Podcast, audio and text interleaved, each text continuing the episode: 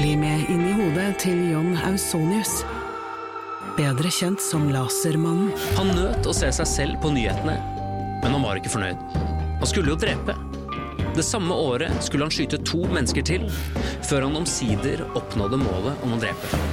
Hør på innsiden av Psykohoder med Jonas Alf Oftebro og rettspsykolog Susanne Nordby Johansen. Gratis der du hører podkast.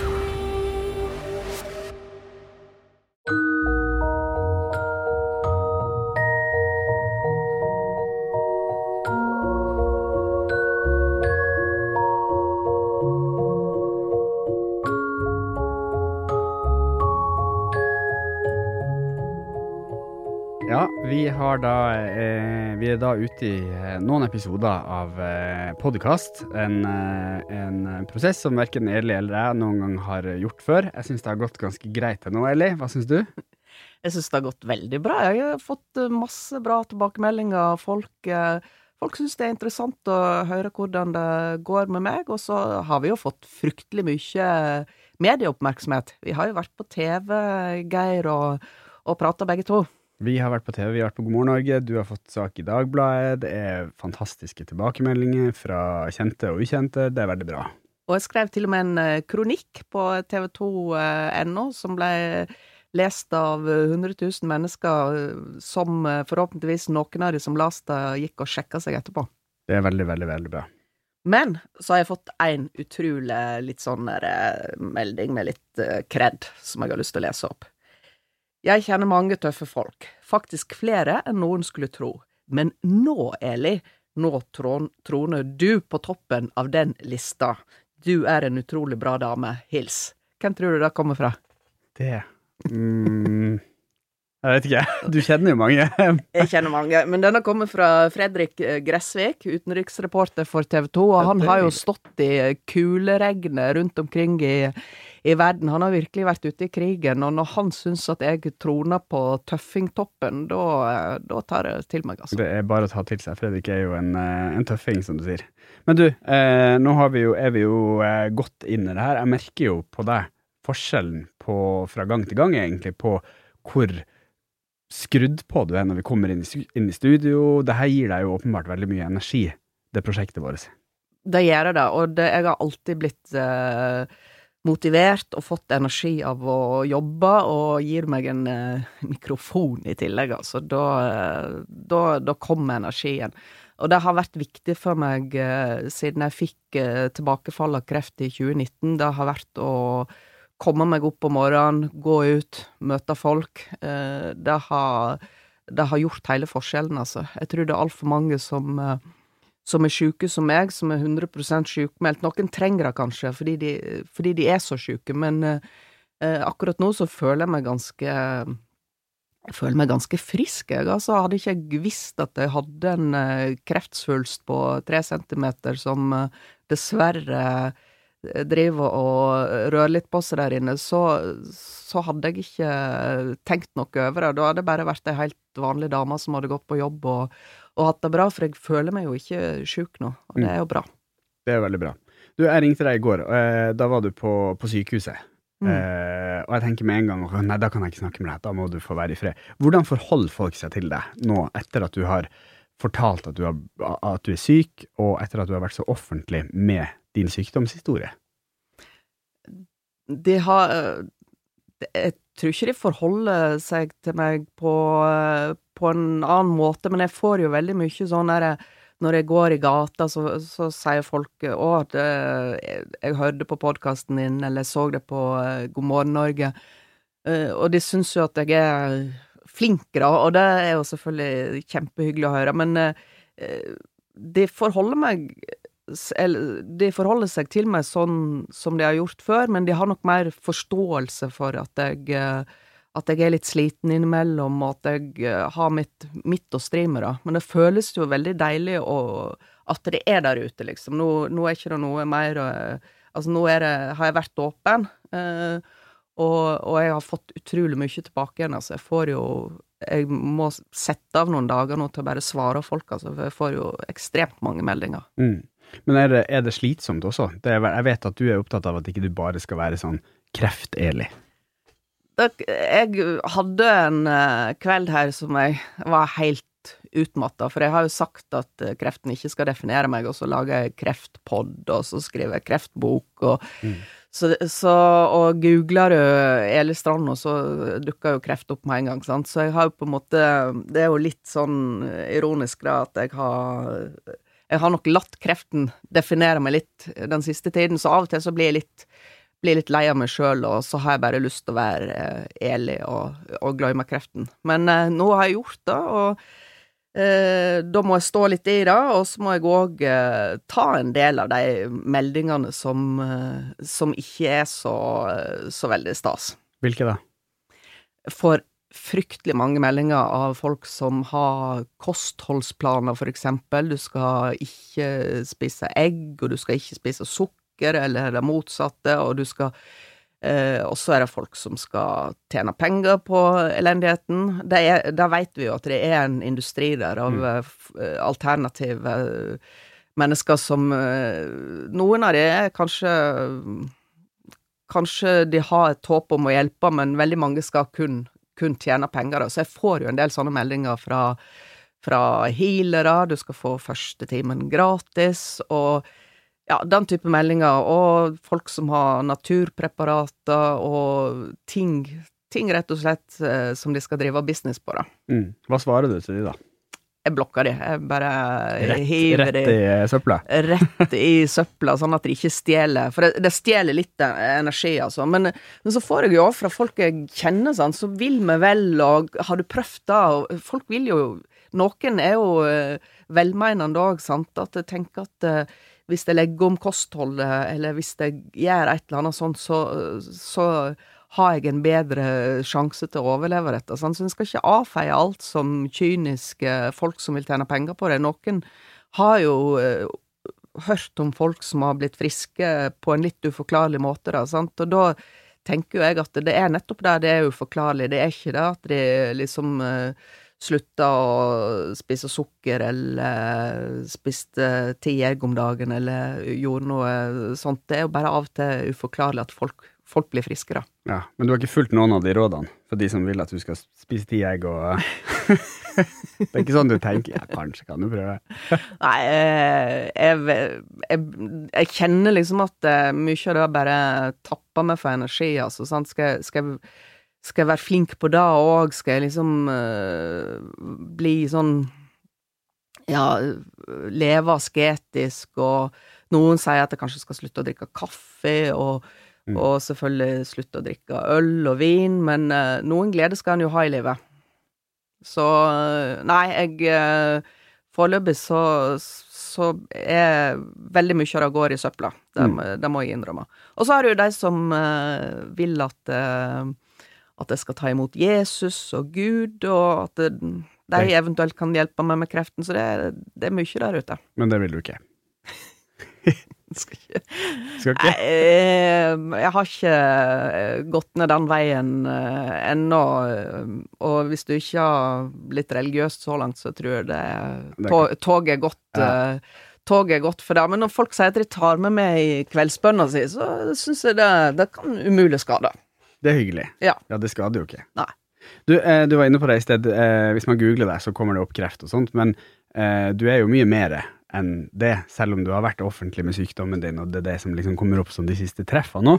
Jeg tenker vi kan jo, For de som hører på, så er det kanskje kult å bli litt kjent med deg òg. Eh, hvem er liksom Eli Strand uten kreften? Vi ble kjent i TV 2 i 2003 i God morgen Norge. Da var du programleder der. Og Mm. i kraft av den jobben der, så har du jo gjort mange intervjuer med folk som har delt veldig mye. God morgen Norge er jo kanskje et av de aller flotteste forumene man kan komme i for å snakke om alt mulig, rett og slett. Mm. Hvordan var det å sitte som programleder og intervjue folk som kanskje var i samme situasjon som du er nå? Ja, det syns jeg alltid var sterkt, fordi at jeg har eh, Når eh, empatien ble utdelt eh, en eller annen gang, så sto jeg først i køen. Altså, jeg har Jeg føler veldig mye med folk, da, så uansett om jeg hadde jeg kunne ha etterlatte som hadde mista noen i kreft, jeg kunne ha folk som var uhelbredelig kreftsyke, og eh, jeg føler omsorg for folk, da, og, og det å være profesjonell og intervjue eh, Det kunne av og til være litt vanskelig for meg, for at jeg, eh, jeg føler veldig mye når jeg eh, møter folk, og jeg kan veldig fort eh, føle omsorg for folk, selv om jeg nettopp har møtt det. Så ak akkurat de intervjuene kunne være veldig krevende, men jeg hadde jo Jeg brukte god tid på, på å forberede meg, jeg gikk ut og snakka med dem før vi gikk inn i studio, og prøvde så godt jeg kunne å, å gjøre folk trygge, da, sånn at vi skulle ha en eh, samtale, og det var jo da i hvert fall de som var mest fornøyde i etterkant, sa at de, de hadde ikke tenkt på at de var på TV, de tenkte bare at vi satt og hadde en, eh, hadde en samtale, da. Mm. Genuint interessert i mennesker. Jeg er veldig opptatt av mennesker, og jeg er veldig glad i mennesker. I eh, absolutt eh, alle aldre. Jeg har faktisk eh, fire gode venninner i gata som er i alderen eh, tre til fire, da. Så, eh, og de eh, har vært borte hos meg mange ganger de siste dagene og fått litt is og hoppa litt på trampoliner og Så jeg har Det er ikke bare folk på min egen alder, men jeg er, er veldig glad i, i mennesker. Ja. Mm. Du, eh, mennesker, det er jo eh, tallene på kreft. Vi har jo vært inne på det i tidligere episoder. Vi skal snakke med Kreftforeninga i, i episoden som kommer i neste uke.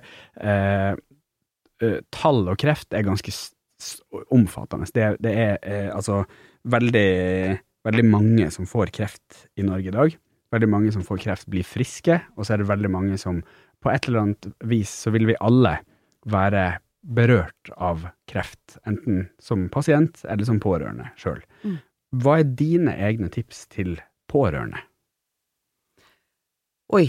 Eh, det, det var et veldig stort og, og litt vanskelig spørsmål. Det, du burde jo Du burde egentlig ha snakka med mannen min eh, om, om akkurat det der, hvordan det er å være pårørende, i hvert fall. Mm. Eh, men eh, det er jo det at det, som pårørende så må du um, Du må vise eh, forståelse, sant, fordi eh, når du har eh, kreft, sånn som jeg har, selv om jeg føler meg frisk, så, så er jeg jo ikke det. Og, Og eh, jeg kan være psykisk veldig langt nede, så, så et tips er vel sånn at du må, du må rett og slett vise forståelse, lytte til den som er sjuk. Eh, Av og til så er batteriet til oss kreftsyke fullstendig flatt, og, spør, og da spør jo gjerne mannen min ja, men vi har ikke gjort noe i dag, liksom, hvorfor er du så sliten i dag? Og, og det er liksom den der forståelsen for at eh, du kan være sliten selv om du ikke har eh, gjort noe, eller det er ikke noen grunn til at du er sliten sånn som før. Det er ikke noe rasjonelt alltid med kreft. Det er, av og til så er du, er du bare helt tom, og da trenger vi forståelse. Men så er det òg det at det kan bli for mye forståelse, for mye sykdom og alt sånt, så jeg tror for pårørende og kreftsyke så er det godt å ha eh, bestemme seg kanskje at uh, i kveld uh, snakker vi overhodet ikke om sykdom, sant? Nå, nå skal vi liksom være Nå skal vi være kjærester igjen, eller nå skal vi være mor og sønn og gå og se en kul film og ha fullstendig kreftfred. Det òg tror jeg er veldig viktig. Mm. Og det er veldig individuelt hvordan folk reagerer på det. Jeg har selv hatt folk i min, min eh, nære krets som har vært kreftsyke, og som overhodet ikke har villet at det skulle blitt snakk om i det hele tatt. Mm. De har ikke lyst til å være den syke, de har ikke lyst til å ta plass, de har ikke lyst til at folk skal bekymre seg, de har ikke lyst til å eh, Ja, at, at det at de er syke skal bli en slags type belastning for andre, da. Mm. Og, så det med forståelse er jo et veldig bredt begrep, da, rett og slett. Ja. Og så er det litt sånn som eh, Marie, som eh, var hos oss i forrige podkast, sa. Der du som eh, pårørende eller ja, venn, eh, kone, mann, kjæreste, kan spørre om det. Hva, hva trenger du fra meg nå? Det er jo et fantastisk spørsmål å stille til den kreftsyke. Hva, hva kan jeg gjøre for deg nå? Og det har veldig mange spurt meg om, og da har jeg sagt ja, det jeg trenger fra deg, kan være at vi gjør morsomme ting hver mandag, for eksempel. Går og, går og bader, eller går på kino, eller finner på noe gøy. Det kan være, kan være en av de tinga, sant. Og så spør, spør liksom hva, hva trenger du, vil du snakke om kreften i dag? Nei, ok, flott, da snakker vi om noe, noe helt annet. Og jeg er med i en sånn lesesirkel, og, og da var det ei som spurte liksom sånn Hvordan går det egentlig med deg nå, Eli? Og da merker jeg at, eh, at tårene, tårene kom, og så hadde jeg liksom bestemt meg for at denne kvelden ville jeg ikke snakke om meg sjøl, sant, og det kunne jo ikke hun vite, så da sa jeg bare sånn, nei, vi, vi lesesirkel, kreftfri, eh, vi stopper der, og da, da var det greit. Mm. Men det å spørre hvordan det går, er jo et ganske naturlig spørsmål når man vet at noen man bryr seg om, er da. Det er det, sant, og så må det ikke bli sånn at folk ikke tør å spørre hvordan det går med meg, sant, men, men av, og, av og til så kan det liksom virvle opp alt, og hvis du da har hatt en krevende dag på sykehus eller sånn, så så er det ikke alltid du orker å snakke om det, og, men da må du si fra på en måte som gjør at det, jeg prøvde i hvert fall å si fra på en måte som gjorde at hun ikke følte seg dummere, sant? for det, det må vel lov å spørre hvordan det går. Mm. Eh, men av og til så har jeg ikke lyst til å si hvordan det går, for av og til så går det så himla dårlig. Mm. Det blir jo kanskje litt sånn klisjéaktig, men er det noen ting i type hverdagslivet eller av ting som du setter mer pris på nå enn før? Ja, eh, kan være eh, liksom den derre fine høstlufta om eh, morgenen og gå ut og se at nå er det eh, nå er bjørka begynt å bli gul, og altså det kan være helt sånne derre naturting, liksom, og det kan være den der første kaffekoppen om morgenen, og eh, ja, og den latteren du har, den spøken jeg har med 16-åringen min, eh, du finner sånne der, fine ting i hverdagen, og det, det er jo en klisjé, men, eh, men eh, ikke, er ikke det litt sånn livet er av og til, da? Mm, det er jo det. Du jeg er jo fra Finnmark, og der er det veldig vanlig med galgenhumor. Der Mm. er det liksom, og i hvert fall i min familie så har vi alltid hatt galgenhumor på alt. Ja. Eh, og kanskje drar det litt langt. Hvordan er det med deg hvis folk spøker med deg med kreft? Ja, det, det tåler jeg veldig godt. Og, og det var jo en venninne nå som sa liksom du har, du har bare liksom fått deg kreft, du, for å skape et sånn kreftimperium med podd og med bok og helsikes kreft, og dette har du planlagt lenge, liksom, sant? Og så lo vi godt, sant? Ja, ja, har bare liksom eh, jugd på meg eh, kreft for å skape et sånn kreftimperium, liksom, sant? Så det, det er lov. Og når jeg var skalla, så øh, Etter en stund jeg var blitt vant med å bli skalla, så sa jo jeg sjøl at jeg eh, eh, ligna på den litt sure storesøstera til Trygve Slagsvold Vedum, liksom. Så eh, Det er lov å tulle, altså. Ja, jeg, vi møttes i dag, og jeg klagde på at jeg hadde dårlige hårdager. Det første du sier, er jo at du har i hvert fall hår. Ja, sant, du skal være glad for det håret du har, gutten min, og ikke klag på at det, at det står litt opp og ut på feil plasser og sånt. Det, hår er kjempebra å ha. Hår er kjempebra å ha. Det er jeg helt enig med deg. Du, eh, eh, hvordan ser eh, tida som kommer ut nå? Du var inne på i første episode at du nå må begynne på cellegift. Mm. Hvordan er prosessen der nå? Nå veit vi ikke helt når jeg skal begynne, for det ko- kommer an på eh, neste sete jeg skal ha, eh, som jeg tar eh, den Ja, nå skal, jeg trenger ikke å gå på, på dato og sånt, men jeg skal ta en sete da, for å finne ut eh, hvor stor svulsten er, og hvor eh, fort den eh, vokser. Når de vet det, så blir det lagt et løp med cellegift, men det kan være at jeg får en liten pause i høst, og at vi begynner igjen i, eh, på nyåret eller seint i høst. Det, kommer litt an på hvordan ting går. Men foreløpig så slappa jeg veldig av i forhold til det, for at jeg gikk jo lenge og lurte på det, ting, sant, og jeg håpte at den eh, svulsten uh, minka, og at eh, immunterapien virka, og da var det utrolig spenning i kroppen, og den spenninga er jo borte, på godt og vondt. Nå, nå veit jeg jo at eh, dette er livet mitt, altså. Jeg må leve med jeg må leve med den kreften, og den eneste behandlingsformen legene har akkurat nå, det er cellegift. Det veit de virker, det har virka før. Eh, det kommer mest sannsynlig til å virke denne gangen, men jeg har jo ingen garantier for det heller, da. Så det er jo den ja, nok en klisjé da, som kommer nå, det er jo at jeg må rett og slett leve hver dag, altså. Eh, Nyte den dagen som er i dag, være, være til stede i uh, mitt eget liv, og ikke hele tiden jage framover.